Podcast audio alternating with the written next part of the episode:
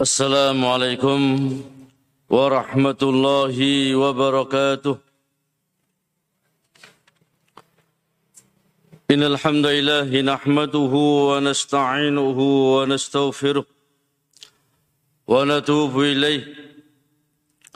ونعوذ بالله من شرور أنفسنا ومن سيئات أعمالنا. من يهده الله فلا مضل له ومن يضلل فلا هادي له.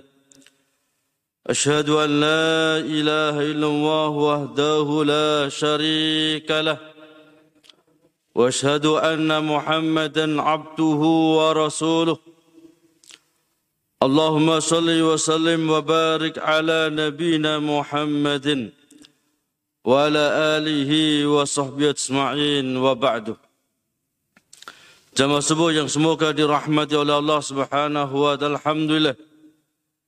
Kita memuji dan bersyukur kepada Allah Subhanahu wa taala atas melimpah nikmat dan karunia yang telah Allah limpahkan kepada kita. Salawat dan salam semoga tetap tercurahkan pada junjungan Nabi kita Muhammad sallallahu alaihi wasallam kepada keluarga beliau, para sahabat beliau, dan umat yang senantiasa istiqamah di dalam menempuh jejak beliau yaumil qiyamah. Jamaah rahimakumullah.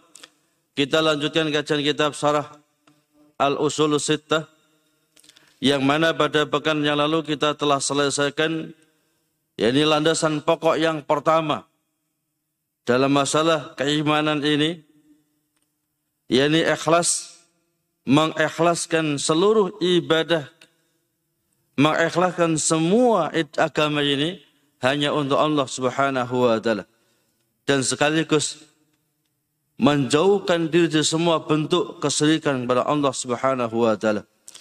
Kemudian landasan yang kedua yang telah kita jelaskan sedikit pada pekan yang lalu landasan pokok yang kedua adalah amrullahu al-istima'a fitin wa naha. Allah Subhanahu wa taala perintahkan kita orang-orang yang beriman untuk bersatu padu di dalam melaksanakan ajaran agama Islam ini sekaligus Allah melarang kita untuk tafarruqah berpecah belah. Yang mana kita dilarang seperti orang-orang sebelum kita mereka senang berpecah belah dan mereka justru menjauhi daripada persatuan. Yang mana Allah Subhanahu wa taala telah berfirman di dalam Al-Qur'anul Karim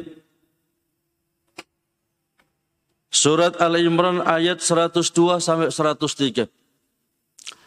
Allah telah berfirman, Ya ayyuhalladzina amanu taqullaha haqqa tuqatih wa la tamutunna illa wa antum muslimun. Wahai orang yang beriman, bertakwalah kalian kepada Allah dengan sebenar-benarnya takwa dan jangan sekali-kali meninggal dunia kecuali dalam keadaan muslim. Kemudian Allah lanjutkan firman-Nya, "Wa tasimu bihablillahi jami'an wa la tafarraqu." Dan berpegang teguhlah kalian dengan tali Allah, dengan agama Allah jami'an secara berjamaah, bersatu padu, wala tafarraqu dan janganlah kalian terpecah belah.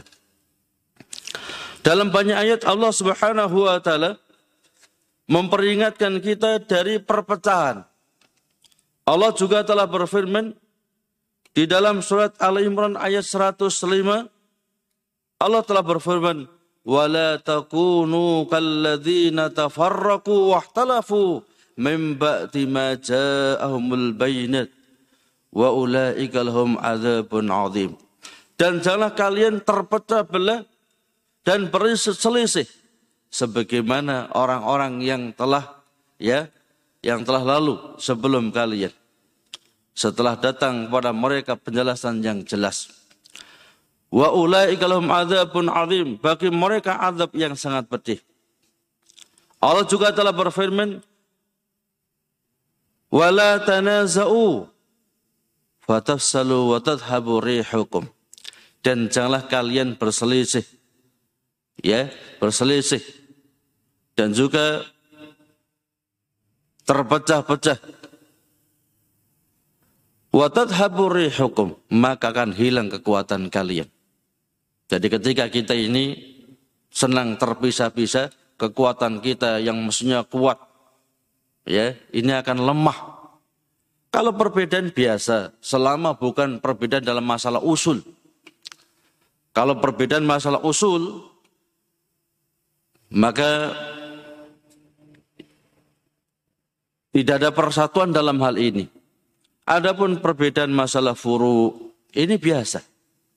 Sebagaimana ulama-ulama kita dahulu, sebagian ulama kita, termasuk dalam madhab Imam Ahmad bin Hanbal, mereka punya keyakinan, mereka punya prinsip.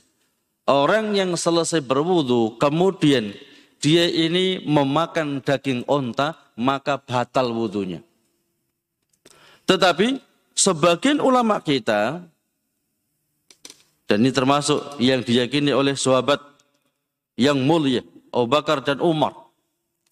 Bahwasanya memakan daging onta itu tidak membatalkan wudhu. Dan mereka tidak terpecah dalam hal ini. Ya, Mereka yang punya prinsip setelah wudhu makan daging onta batal. Mereka pun tetap bermakmum kepada orang yang punya prinsip bahwasanya memakan daging unta tidak membatalkan wudhu. Sehingga kadang-kadang imamnya ini ya orang yang punya prinsip memakan daging unta setelah wudhu gak batal walaupun habis makan daging unta tetap ngimami ya dan mereka ulama-ulama kita yang mempunyai prinsip memakan daging unta setelah wudhu batal mereka pun tetap bermakmum kepada mereka Contoh lagi misalnya, subuh menggunakan kunut. Dalam madhab Imam As-Safi, kata Imam As-Safi, wa yusannu bi du'a ya fi salatil fajr. Dan disunahkan untuk berdoa dengan kalimat ini ketika waktu salat subuh. Apa itu? Allahumma hdina fi man hadait wa fina fi man afait wa tawallana fi man tawalid ila akhirih. Dalam madhab Imam Syafi'i, dalam sholat subuh itu sunnah untuk membaca kunut subuh. Ya. Tetapi ulama sebagian ulama kita termasuk Imam Abu Hanifah kata beliau hukumnya haram. Hukumnya haram kunut dalam subuh. Karena berdasarkan hadis ya Salah seorang kibaru tabi'in Tariq Al-Asai mengatakan, Ya bunayya, ya abati, ya abati, innaka qad salaita khalfan Nabi alaihi salatu wasallam, wa Bakar, wa Umar, wa Utsman, afakanu yaknuduna fi subhi? Wahai bapak, ya, wahai bapak yang aku cintai. Wahai ayahandaku, Anda dulu pernah sholat di belakang Nabi, di belakang Abu Bakar, Umar, Utsman, subhi? Apakah pernah mereka kunut ketika waktu sholat subuh? Kala, ya bunayya muhdas. Wahai putraku itu bid'ah. Nggak pernah diperhatikan Nabi. Maka dengan hadis ini kata Imam Abu Hanifah, hukumnya haram. Orang mengkhususkan yakni kunut dalam sholat subuh. Tetapi mereka tetap, misalnya yang imam ini pakai kunut, mereka tetap ya sholat di belakangnya. Mengapa? Ini masalah furu. Bukan berarti kita nggak tegas ya.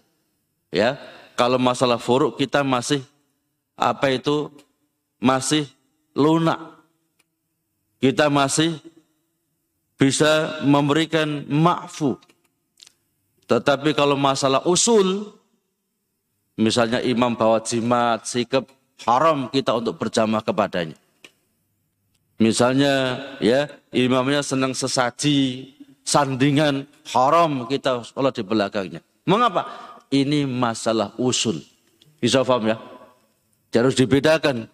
Masalah usul dan furu harus dibedakan. Ya. Maka Nabi kita Muhammad SAW mengajarkan kepada kita agar kita ini senantiasa bersatu padu di dalam melaksanakan agama Allah Subhanahu wa taala. Nabi kita Muhammad SAW telah bersabda, La tahasatu wa la tabaghadu wa la tajassasu wa la tahassasu wa la tanajasu wa kunu ibadali ikhwana. Nabi kita Muhammad SAW memberikan wasiat pada kita, La tahasadu, jangan saling berhasad di antara kalian. Wala tabaghadu dan jangan saling benci membenci di antara kalian. Wala tajassasu dan jangan cari-cari kesalahan, aib saudaranya. Ya. Jangan cari-cari kesalahan. Kita ini manusia. Jelas ada kesalahan, nggak mungkin lepas daripada kesalahan. Ya. Sehingga kadang-kadang kita sibuk tajassus mencari-cari aib saudaranya, kita lupa aib kita sendiri. Wala tanajasu dan jangan tanajus. Tanajus ini adalah membeli barang yang telah dibeli oleh saudaranya. Contoh misalnya ada orang ya menjual barang kepada saudaranya ya dengan harga 50. Kita datang ya. Jangan kasihkan dia, kasihkan saya saja 55 misalnya. Ya, jadi misalnya seorang pedagang apa itu sudah akad dengan pembeli, ya. Cuman mungkin barangnya apa itu barangnya belum sampai diserahkan. Sudah jadi ini barang 50 ribu. Kita yang ya kita datang yang kedua jangan dikasih jangan dikasihkan 50 ribu kasihkan saya saja 55 Ya. Ini termasuk bentuk tajasus. Ataupun ya barang yang telah dibeli oleh saudaranya. Ya. Misalnya A membeli barang seharga 50 ribu. Ya. Saya yang beli 55 ribu. Misalnya. Ini tajasus. Atau melamar wanita yang telah dilamar oleh saudaranya. Ya, ada lamaran datang ini saya melamar. Gimana? Ya sudah, saya pikir-pikir besok jawabannya misalnya. Datang lamaran lagi ya. Yang pertama tadi jangan diterima sudah, saya saja yang terima. Ini pun bentuk tajasus. Ini akan memperpecah belah kaum muslimin. Wa kunu ibadallahi ikhwana dan jadilah kalian sebagai hamba-hamba Allah yang bersaudara. Disebutkan dalam hadis yang lainnya, riwayat Imam Al-Bukhari dalam Kitabul Adab. Nabi kita Muhammad SAW telah bersabda, La taqata'u wa la tadabaru wa la tabaghadu wa kunu ibadallahi ikhwana. Jangan sal, jangan ada di antara kalian saling taqatu, saling memutuskan hubungan. Wala tadabaru dan jangan saling membelakangi. Kalau yang satu hadap sana, yang satu hadap sana, membelakangi. Ya, melengos kalau bahasa kita. Wala tabaghadu dan jangan saling benci membenci. Wala tahasadu dan jangan saling hasad. Ya, saudaranya bisa beli sepeda motor, wah kita montap sudah. Ya, saudaranya bisa beli mobil, ya kita montap sudah. Ya, nggak terima dengan takdir Allah Subhanahu wa taala. Justru mestinya kita senang, alhamdulillah saudara kita bisa beli mobil nanti sewaktu-waktu ter, terdesak kita bisa nunut kan gitu. Ya. Tapi setan ya, alangkah kuatnya gangguan setan itu. Ketika ada saudara yang sedikit naik, sedikit ya, apa itu diberikan kelebihan oleh Allah timbul hasad Inilah yang akan menyebabkan perpecahan di antara kita kaum muslimin. Wa kunu ibadul ikhwana dan jadilah kalian sebagai hamba-hamba Allah yang bersaudara. Maka hubungan rekatnya seorang mukmin dengan mukmin yang lainnya, kuatnya persaudaraan antara mukmin dengan mukmin yang lainnya. Nabi kita Muhammad SAW telah bersabda di dalam hadis riwayat Imam Al Bukhari dalam Kitabul Adab pula. Al mu'min lil mu'min kal bunyanil wahid yasutu ba'dha ba'dha. Seorang mukmin atas mukmin yang lain itu ibarat satu rumah, satu bangunan yang tembok yang satu menguatkan tembok yang lainnya. Misalnya kita punya rumah, ya mestinya segi empat itu. Tembok kanan, tembok kiri, tembok depan, tembok belakang. Andai saja tiga tembok diruntuhkan, tinggal satu, ini akan mudah roboh dia. Ya, akan mudah roboh dia. Hanya sedikit angin, sedikit ya kencang sudah roboh sudah. Tapi ketika bangunan itu ada ya bangunan kanan, kiri, depan, ya belakang, walaupun angin yang sangat kencang pun nggak ngefek. Itulah hebatnya ketika kaum muslimin mereka bersatu padu. Ya, tidak ada hal yang berat yang bisa menghalangi daripada kekuatan kaum muslimin.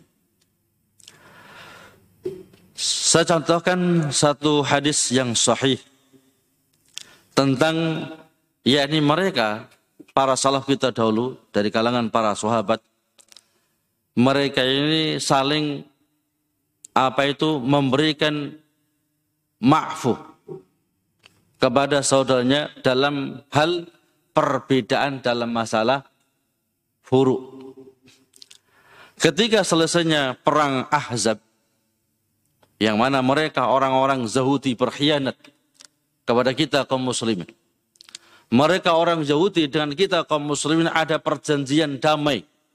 Bahwasanya sewaktu-waktu musuh dari luar Madinah hendak menghancurkan negara Madinah, kaum muslimin bersama-sama dan orang Yahudi akan menghadapi mereka untuk menyelamatkan negeri Madinah. Inilah yang disebut dengan negara Madani ya negara Islam tetapi ada warganya yang non muslim baik Yahudi ataupun Nasrani. Mereka dilindungi, harta mereka aman. Ya, mereka juga aman untuk ibadah sesuai dengan cara mereka. Darah mereka dilindungi, kehormatan mereka dilindungi. Ya, cuman mereka diwajibkan untuk bayar pajak. Jadi pajak itu diambil ya dari orang non muslim baik Yahudi ataupun Nasrani hanya dua saja dari orang ahli kitab yang tinggal di negara Islam negaranya Islam pimpinannya juga orang muslim ya tinggal di dalam negara Islam ini orang ahli kitab baik Yahudi ataupun Nasrani harta mereka dilindungi mereka juga dibebaskan untuk beribadah sesuai dengan cara mereka. Ya. Kehormatan mereka juga dilindungi. Tetapi wajib atas mereka untuk membayar pajak. Jizyah. Setiap satu orang yang telah mencapai umur akil balik satu dinar. Jadi misalnya dalam satu rumah itu ada ayahnya, ada ibunya, anaknya sepuluh, semuanya sudah balik. Maka masing-masing ayah, ibu, anak-anak ini harus membayar pajak dan nggak boleh titip. Harus berangkat untuk membayar pajak. Ya, untuk apa? Untuk membuktikan ya bahwasanya mereka itu dengan sebab nikmat yang begitu banyak yang telah Allah berikan pada mereka dan mereka tetap kufur, maka mereka dihinakan oleh Allah. Dihinakan Nabi Muhammad SAW untuk mereka wajib membayar pajak. Tiap satu gundul satu dinar. Jadinya misalnya sepuluh ya sepuluh anaknya terus tambah satu ibu dan ayahnya, 12 gundul. Maka harus membayar 12 dinar. Dan masing-masing harus distorkan, ya, diserahkan, ya, dan tidak boleh wakilan. Kalau kita bayar pajak kan boleh wakilan, ya, ke makelar ini, ya, tolong dibayarkan kan boleh. Tapi mereka orang-orang Yahudi, Nasrani yang tinggal di negara Islam, mereka dilindungi darahnya, dilindungi kekayaannya, dilindungi kehormatannya, cuman mereka wajib membayar pajak. Bagaimana Pak Ustadz? Yang kita muslim dipajaki, nanti dituntut di hadapan Allah itu. Ya. Jadi kita orang muslim ya, kemudian apakah yang kita kena pajak? Ya dia harus bayar. Ya, antum bayar sudah. Cuman nanti antum akan mengambilnya di yaumil di yaumil kiamah. Nanti kalau antum nggak mau bayar, dibawa ke timurnya alun-alun itu. Ya. Jadi bayar pajak harus taat. Bayar sudah. Ya. Cuma nanti akan kita tuntut di hadapan Allah Subhanahu wa taala. Jadi antum punya tabungan sudah. Ya. Jangan balik loh. Saya ini muslim. Ya. Masuk dipajaki, bayar untuk membantu negara kita. Nggak apa-apa, benar itu. Niatnya ikhlas untuk membantu negara, meringankan negara, ya misalnya negara untuk fakir miskin, untuk bencana dan macam-macam, malah pahalanya berlipat-lipat itu. Ya. Jadi niatkan dengan niatan yang baik. Jangan saya balai loh, ya. Nabi kita Muhammad SAW bersabda kepada mereka para sahabat agar mereka segera keluar ya untuk memerangi Bani Quraidah yang telah berkhianat kepada kaum muslimin. Di mana ketika perang Ahzab ya, orang-orang kafir bersatu padu untuk menghancurkan kota Madinah ya, sampai karena memang ya diperkirakan kekuatan mereka nggak bisa dibendung. Karena jumlah pasukan musuh lebih dari 100 ribu. Ya sedangkan jumlah kaum muslimin hanya 3 ribu. Ini nggak mungkin dibendung ini. Maka kemudian dibuat parit yang memisahkan antara kota Madinah dengan yang luar. Sehingga musuh tidak bisa masuk kaum muslimin juga nggak bisa keluar. Ya saking nggak ada barang yang masuk ya mereka kaum muslimin bekerja pagi siang malam hanya ngemut kurma jadi gantian ngemut kurma. Masya Allah. Ya, karena barang nggak bisa masuk sudah. Dikali semuanya, ya, barang nggak bisa masuk, ya, kita pun juga nggak bisa keluar. Itulah hebatnya sahabat Nabi kita Muhammad Sallallahu Alaihi Wasallam. Kalau kita kerja bakti nggak ada sarapan sudah ngambil ini. Ini pagi, siang, malam, pagi, siang, malam terus kerja tanpa henti. Ya, nggak ada makanan, hanya ngempet gantian itu. Ya, kurma dikasih air, diminum, ganti temannya lagi, ganti lagi.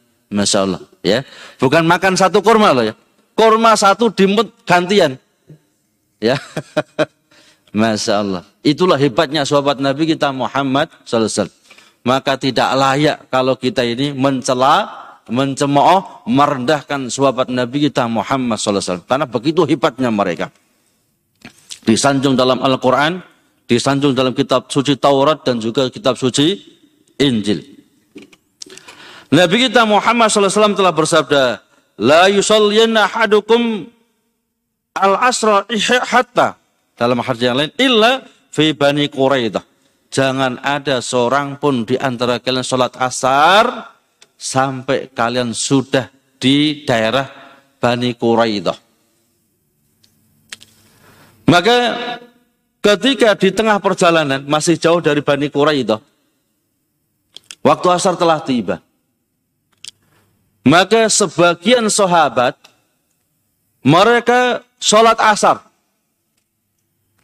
Ya, mereka mengatakan mentafsirkan hadis Nabi ini bahwasannya diperintahkan untuk sholat asar itu tepat waktu Adapun jangan sampai sholat asar sampai Bani Quraidah itu artinya supaya cepet-cepet jangan lambat-lambat gitu loh. Ya, penafsiran semacam itu. Sahabat yang lain mengatakan, dohirnya hadis, dohirnya perintah Nabi, kita nggak mungkin nggak boleh sholat kecuali di Bani Quraidah. Walaupun nanti sampai maghrib ke sana, sampai isya ke sana, kita nggak akan sholat asar sampai di Bani Quraidah. Perbedaan kan? Yang satu mengatakan bahwasanya perintah Nabi ini tujuannya supaya kita ini mubadarah, segera, cepat sudah. Jangan lama-lama. Ya. Sebagian yang lain, zahir nas, Nabi perintahkan kita tidak boleh ya, jangan ada seorang pun antara kalian sholat asar sampai ke Bani Kuro, Kuro itu. Maka kita nggak akan mungkin sholat asar kecuali sudah sampai sana. Walaupun nanti terbenam matahari pun nggak masalah. Yang penting asalnya di Bani Quraidah. Ya. Maka ini pun disampaikan kepada Nabi kita Muhammad sallallahu wasallam. Ya Rasul, anda perintahkan kepada kami jangan sholat asar kecuali di Bani Quraidah. Di tengah-tengah jalan sudah waktu asar ya Nabi. Kami takut andai saja sampai Bani Quraidah waktu asar telah habis. Maka kami sholat di tengah jalan. Walaupun belum sampai Bani Quraidah. Yang lain mengatakan ya Rasul. Anda perintahkan kami untuk tidak sholat asar sampai Bani Quraidah. Maka kami sholat asar ya ketika kami sampai Bani Quraidah walaupun ya sudah akhir waktu. Nabi pun tersenyum. Ya, Nabi nggak menyalahkan kamu salah, kamu salah enggak. Ya, menunjukkan mereka sahabat itu sudah terbiasa ikhtilaf dalam hal tanawu. Tapi itu tidak memisahkan mereka. Tidak memutuskan hubungan di antara mereka. Bahkan saling ya, saling menghormati, saling memuliakan. Termasuk ketika apa itu safar, di bulan Ramadan ya mereka para sahabat itu safar untuk berperang